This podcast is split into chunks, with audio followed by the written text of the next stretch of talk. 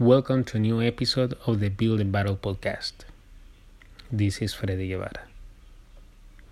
I will continue with the leadership mistakes series, but this time the mistakes are personal attitude related. And the first of those mistakes are lacking interpersonal skills. And when you have this type of problem, when you lack interpersonal skills as a manager or leader, you exhibit the following problems. Number one, you have a lack of self awareness. That means that you don't know exactly who you are. You lack of that self conscious and knowing who you are, what you can do, what you cannot do, what your weaknesses, what your strengths are. You don't know yourself very well. You don't feel confident about yourself. That's why you lack interpersonal skills. Number two, you lack of social awareness. Remember that we are human beings we are social. Somehow we are social. Even if you are an introvert or extrovert, we are social and that means that we we manage and we lead teams. We need to have that awareness of socializing with people. You had to build effective relationships in the work. So you can get followers who support you. And you have to support them. When you lack social awareness you don't know about your own environment, what's going on, what the dynamic of the groups are, what is your own team dynamics, so you cannot get involved in them in their situations so you can resolve the problems. Number three, poor communication. When you lack interpersonal skills, you cannot communicate very well. And if you don't communicate, imagine a leader or manager who cannot communicate clearly who cannot communicate in an inspirational way the objectives, the goals, the mission, the vision of the organization. You can't do anything. If you are a manager and leader and you don't know how to communicate to your followers, you don't know how to communicate to your audience.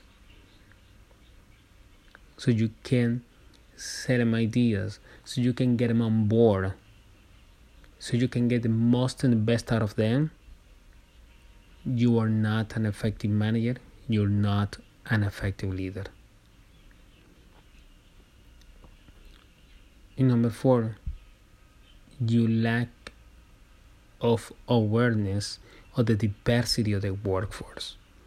When you lack interpersonal skills, you cannot recognize the differences or the diversity of the workforce that we have nowadays we have a diverse workforce with diverse background, different generations, different nationalities. And if you lack interpersonal skills, you cannot manage a diverse workforce.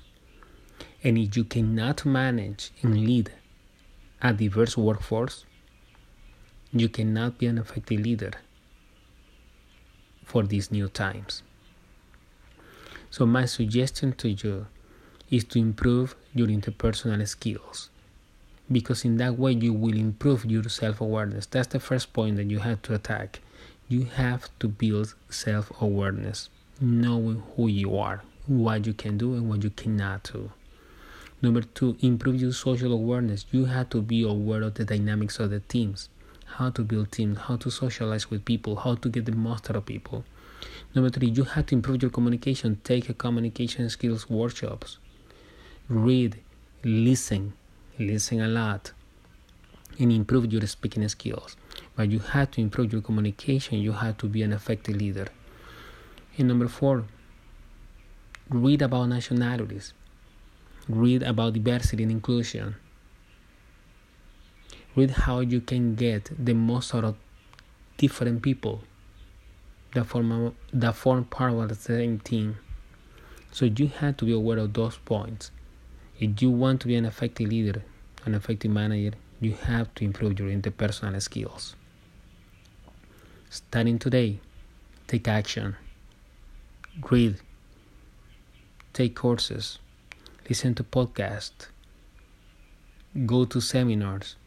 But you have to improve your interpersonal skills if you want to be successful as a manager in it. In the meantime, I wish you the success you deserve. Build and battle. Until the next time.